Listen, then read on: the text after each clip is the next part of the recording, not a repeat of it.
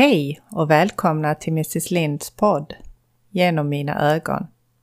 Det här är avsnitt 1 och det är en presentation om mig. Oj, vad har jag gett mig in i? En podd. Det här är för mig en okänd mark. Varför gör jag ens det?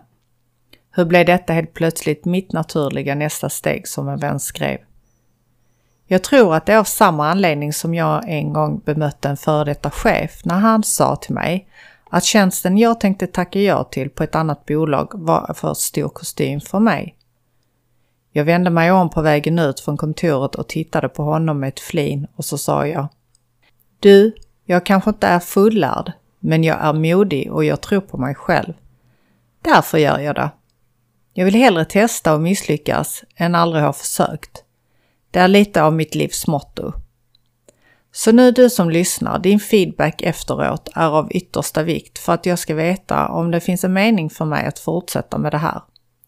Vad kan jag göra bättre och vad kan jag göra mer av? Lämna gärna därför en kommentar eller ett meddelande efter att du har lyssnat inne på min Instagram som heter Mrs Lind. Jag är tacksam för det. Jag har tänkt på vad jag kan ge lyssnaren och vad jag kan bidra med och kom tänka på att det kanske räcker med att jag delar med mig av mina historier, minnen, insikter, lärdomar och erfarenheter, åsikter, tips och även lite underhållning. Det kanske vi kommer en bra bit på vägen med. Eller hur? Så denna podd kommer därför handla om mig, mitt liv, mina perspektiv men också andra människors som jag kommer att bjuda in. Därav titeln Genom mina ögon. Första avsnittet tänkte jag berätta lite om mig själv och min bakgrund för att ge dig som lyssnar lite förståelse på vem jag är. Detta blir alltså vårt intro. Jag berättar om mig själv och du lyssnar. Okej? Okay? Det är alltid lika svårt när man sätts inför situationer att berätta om sig själv och vem man är. Vem är du Tina? Varenda gång jag får en sådan fråga märker jag hur jag febrilt letar svar i hjärnan. Lite sådär panikartat. Va? Vem fan är jag? Varför har jag ingen hisspitch om mig själv? Jag går igenom hela mitt register med många minnen och så fastnar jag. Jag kan inte berätta något annat än det där vanliga. Ni vet det där. Hej, mitt namn är Tina, jag är 40 år, jag bor i villa, jag är gift och har två barn. Och jag arbetar som affärsutvecklare. Yes, där fick jag in något spännande, tänker jag. Då får jag nog ett intresse tillbaka. Jag vill ju känna mig intressant, men inte så intressant så att någon börjar snoka i mitt liv eller ställa jobbiga frågor. Nej minsann, så kul ska vi inte ha det. Jag vill ha kontroll och därför ger jag bara en liten brödsmula. I själva verket om jag frågar min man när jag ibland behöver hjälp med att beskriva mig själv så beskriver han mig som en spännande person. Tina, berätta om flykten. Berätta om när du blev bortrövad. Eller varför inte berätta om din utbrändhet? Du kan ju också berätta om din farmor. Jag lyssnar på honom och inser att jag har nog en del intressanta historier ändå. Samtidigt ekar min pappas ord hårt i huvudet. Vi tycker inte synd om oss själva. Det finns andra som har haft det värre. Du är inget offer. Och så vidare. Jag vet att han inte menade illa, men det har någonstans låst sig för mig. Jag har svårt att dela med mig av mina upplevelser och erfarenheter. Jag vill ju inte betraktas som ett offer. Det är en av mina största rädslor. Så ja, en enkel fråga, vem är du Tina? är ett svårt och ibland smärtsamt svar. Vad kan jag berätta utan att blotta mig själv, men samtidigt visa mottagaren att jag faktiskt har en del att berätta? Å andra sidan, det finns inget värre än när jag träffar människor och de ställer alldeles för privata frågor. I mitt huvud intar jag försvarsställning samtidigt som jag försöker ge ett trevligt bemötande tillbaka. Jag vill ju inte vara otrevlig men tänker för mig själv. Vad fräckt du är som ställer så personliga och privata frågor utan att jag bjuder in till det. För som lyssnare är inte jag så. Jag vet hur viktigt det är att det alltid är på berättarens villkor och jag vill vara en god lyssnare. Så tänk nu på att när jag nu berättar och du lyssnar så innebär det inte att jag bjuder in till privata frågor. Var en god lyssnare. Låt mig bestämma takten om hur mycket och när jag vill berätta. Lite som att dansa tango. Någon måste ju bestämma takten. Jag skulle för ett par år sedan hålla en presentation i Amsterdam. Jag bjöds in för att prata om social hållbarhet, trodde jag. Efter presentationen sa arrangören, som även är en god branschkollega till mig. Tina, bra jobbat och presenterat. Men till nästa gång ska du kanske hellre prata lite mer om dig istället för att berätta så mycket om företaget och de projekten du jobbar med. Folk vill ju höra ditt varför och mindre om dina vad. Prata om mig själv. Dessutom som en presentation. Framför människor jag inte känner. Ah, är han inte klok? Det var en läskig tanke. Och förresten, varför skulle någon ens vilja höra om mig och min bakgrund? Jag har under hela mitt liv försökt och kämpat med att övertyga alla om att jag kan och att jag är duktig oavsett min bakgrund. Ni vet alla de där frågorna som man får höra. Åh Tina, är du inte född i Sverige? Du pratar ju så bra svenska. Tina, vilket språk pratar man egentligen i Iran? Tina, varför är du inte religiös om du är född i Iran? Tina, hade jag inte sett dig hade jag trott att du var svensk. Och så fortsätter alla dessa frågor och kommentarer. De nyfikna frågorna som pekar ut mig som annorlunda.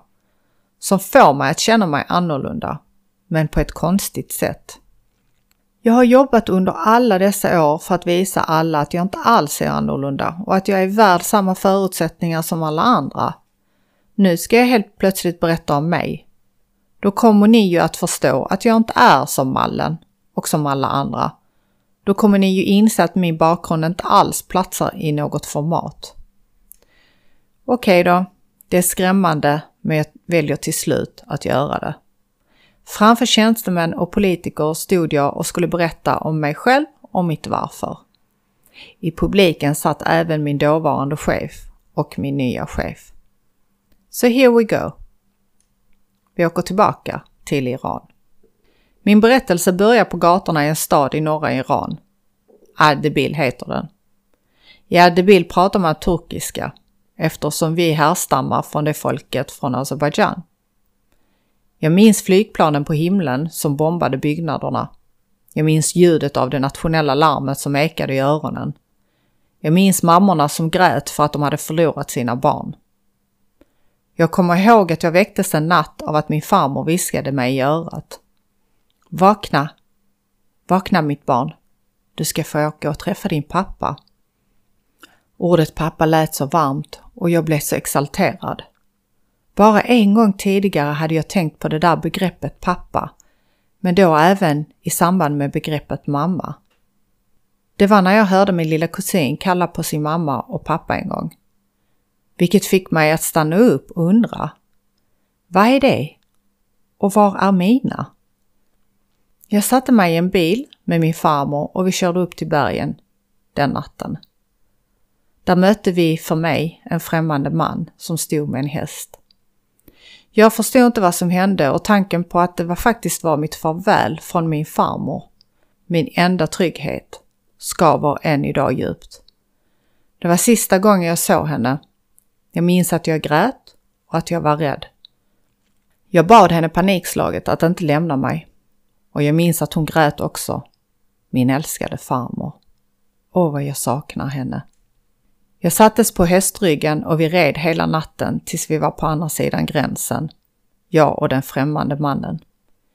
Jag minns att det gjorde ont för vi red barbackar. Framme i Turkiet, där stannade jag ett par veckor. Först med den främmande mannen i några dagar och sedan några veckor hos en värdfamilj i Istanbul för att sedan placeras på ett flygplan helt själv. Nu är jag sex och ett halvt år och till slut anländer jag till Köpenhamn. Tiden i Istanbul, dessa få veckor, var för mig en mardröm som kom att sätta sina spår i resten av mitt liv. Väl i Köpenhamn minns jag att jag hämtades upp av min pappa. Och vid den här tiden visste jag ju inte vem han var. Han lämnade mig och landet på min första födelsedag för att inte riskera att bli avrättad. Mitt nya hem. Ett nytt kapitel började i mitt liv. ett liv i mitt nya hem Malmö. När jag växte upp visste jag aldrig att vi var fattiga. Jag visste inte att jag var annorlunda på grund av mitt utseende och bakgrund. När jag växte upp insåg jag inte att många av mina vänner skulle senare dö i förtid eller hamna i fängelse eller förlora sina drömmar för alltid.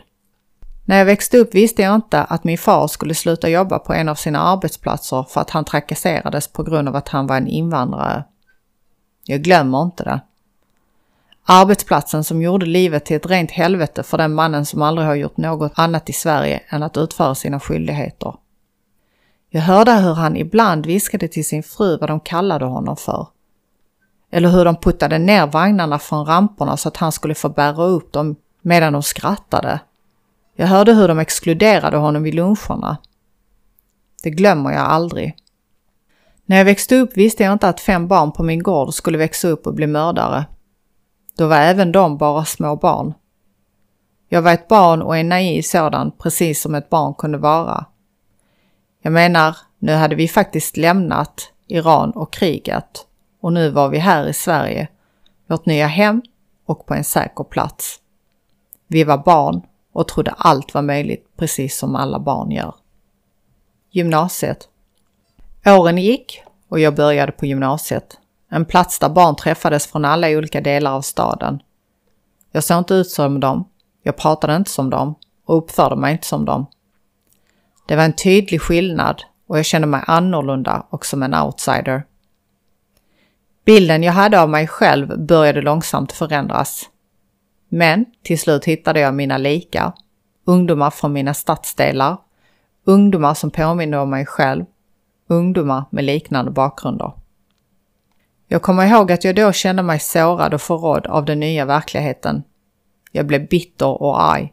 Min inställning förändrades. Jag gick från att vara ett glatt och naivt barn till en arg och ledsen ungdom. Jag förlorade mig själv. Jag minns att min pappa jagade mig dag och natt och försökte hålla mig tillbaka in i ledet. Han gjorde allt i sin makt för att hålla mig fokuserad på skolan. Men jag ville bara fly från den hårda verkligheten och jag ville främst fly mig själv. Så jag avslutade inte gymnasiet. Jag förlorade mitt hopp, min tro och mina drömmar. Det sista jag minns från gymnasiet var en syokonsulent som frågade mig vad jag trodde jag skulle sluta som. Hon sa du kommer inte ens få jobb som är städare. Med en kall attityd. Hon visste nog inte att mina drömmar var borta och jag gav blanka fan i hennes åsikter. Trots allt detta var min pappas huvudfokus alltid att vi barn skulle sätta utbildning som vår livsprioritet. Han såg till att vi visste att vi inte hade något annat val i livet än att studera och att göra ett bättre liv för oss själva. Han pressade oss hårt, men han pressade mig ännu hårdare på grund av att jag var en invandrarkvinna i en värld programmerad av män och vita. Han ville att jag skulle bli hård och tuff. Han ville se till att jag aldrig skulle nöja mig med något mindre i livet på grund av mitt kön eller bakgrund. Så många år senare återgick jag till skolan och utbildade mig till byggingenjör. Med mycket stöd från familjen fick jag till slut min examen och långsamt vaknade mina drömmar till liv igen. Nu är jag vuxen och jag har tagit många lärdomar med mig, men två lite viktigare än de andra som min pappa lärde mig. Dessa två lärdomar har utvecklat mig som person. 1. Förvänta dig inte att samhället ska tjäna eller serva dig. Du bidrar till ditt samhälle. Det där kollektiva tänket, att vi tillsammans ska skapa en förbättring. 2. Om det finns orättvisa i samhället så är det din medborgerliga skyldighet att bekämpa den. Det vill säga, titta inte på medan orättvisor sker. Dessa två lärdomar har bidragit till att jag nu ifrågasätter och försöker bidra till en förbättring för sådana som jag och för de som har det sämre än jag. Ju äldre jag blev desto tydligare blev allt. Jag började inse att min kraft var att jag var annorlunda och att min bakgrund utbildade mig mer än vad någon skola skulle kunna göra.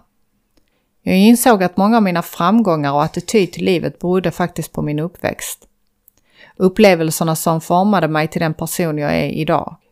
Det jag har lärt mig idag är att jag växte upp med mycket socialt kapital. Jag lärde mig att dela trots att vi inte hade någonting. Jag lärde mig att samarbeta på grund av att vi alltid lekte tillsammans med andra i olika minoriteter. Jag lärde mig att argumentera och kämpa för det jag ville för att ingenting serverades och ingenting var egentligen lätt. Jag lärde mig hur vänner blev till familj eftersom de flesta av oss hade lämnat våra familjer i våra hemländer. Så vad tror jag på? I grund och botten är jag en person som har stark tro på den mänskliga kraften och empati för varandra. Vi måste bara förstå varandras skillnader, behov och mål för att uppnå något bättre tillsammans snarare än en och en. Vi måste fokusera på det gemensamma målet. Jag tror på allas lika värde och att alla ska känna sig trygga och att alla har rätt att må bra. Det här var kanske en lång presentation om mig. Men en av de mest minnesvärda presentationerna om mig gjordes av en kär kollega som skulle presentera mig för en kund. Så här presenterade hon mig. Det här är Tina. Hon är vår affärsutvecklare och hon är street smart, sa hon leendes och stolt när hon tittade på mig. Street smart. Street smart. För första gången kände jag hur jag kände mig rätt presenterad. Ja, street smart. Vilket fantastiskt sätt att beskriva mig. Lärdomar och utbildningar som du inte kan läsa till dig eller köpa. Nähä, de får du bara genom att erfara dem. Nu helt plötsligt hade jag en rikedom som jag inte insett tidigare. Jag kände mig stor och stolt. Jag är fan street smart. Du ser inte det på mitt CV, men det är säkert värt mer än alla de andra delarna jag visar upp där.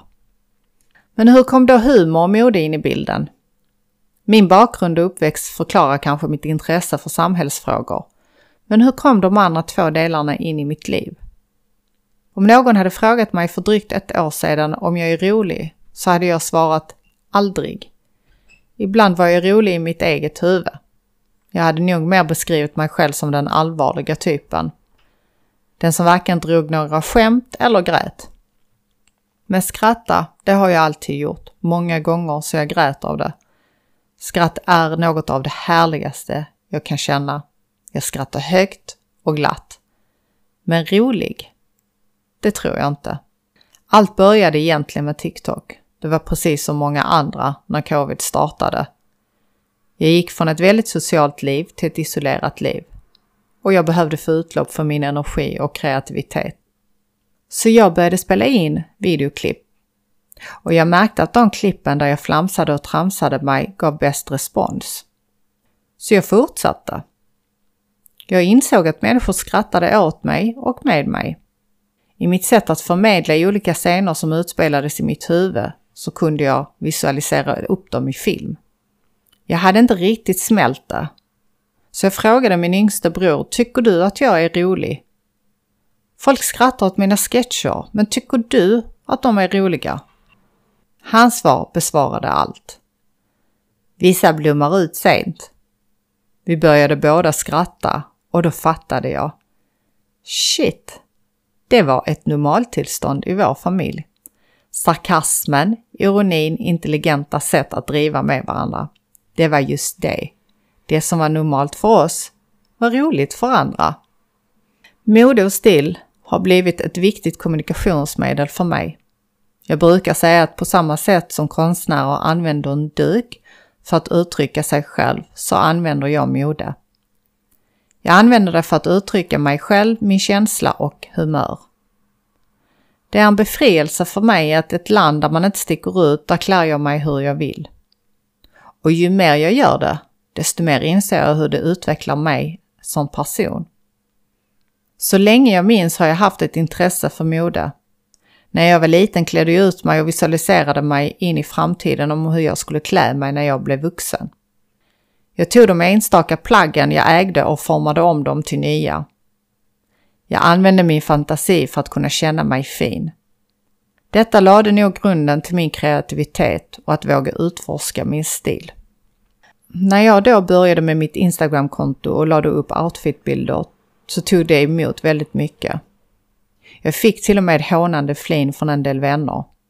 Jag kunde nästan höra hur de fnös åt mig. Vem tror du att du är? Det gjorde mig såklart ledsen och osäker. Men så har jag en man som har en sån där FU-attityd som alltid pushar mig framåt ut ur mitt skal. Alltså han. Han måste få ett eget avsnitt, eller hur? Så tack vare stödet från min allra bästa vän så fortsatte jag utmana mig själv med outfitbilder på Instagram. Sakta men säkert började jag även filtrera bort de där så kallade vännerna som fnös åt mig. De som inte trodde på mig. Och nu på något sätt till slut så kom vi fram till att några tyckte att det var dags för nästa steg. En egen podd. Ja, varför inte? Det är kanske som en vit man sa till mig för ett tag sedan. Ja Tina, du gillar ju att synas och höras. Men han sa det på ett sarkastiskt sätt. Ja, kanske det. I en värld där en del försökte placera den här babyn in the corner så har hon till slut lärt sig att dansa. Hoppas att ni gillade första avsnittet och presentationen av mig själv. Nästa avsnitt kommer att handla om kärleksrelationer och äktenskap.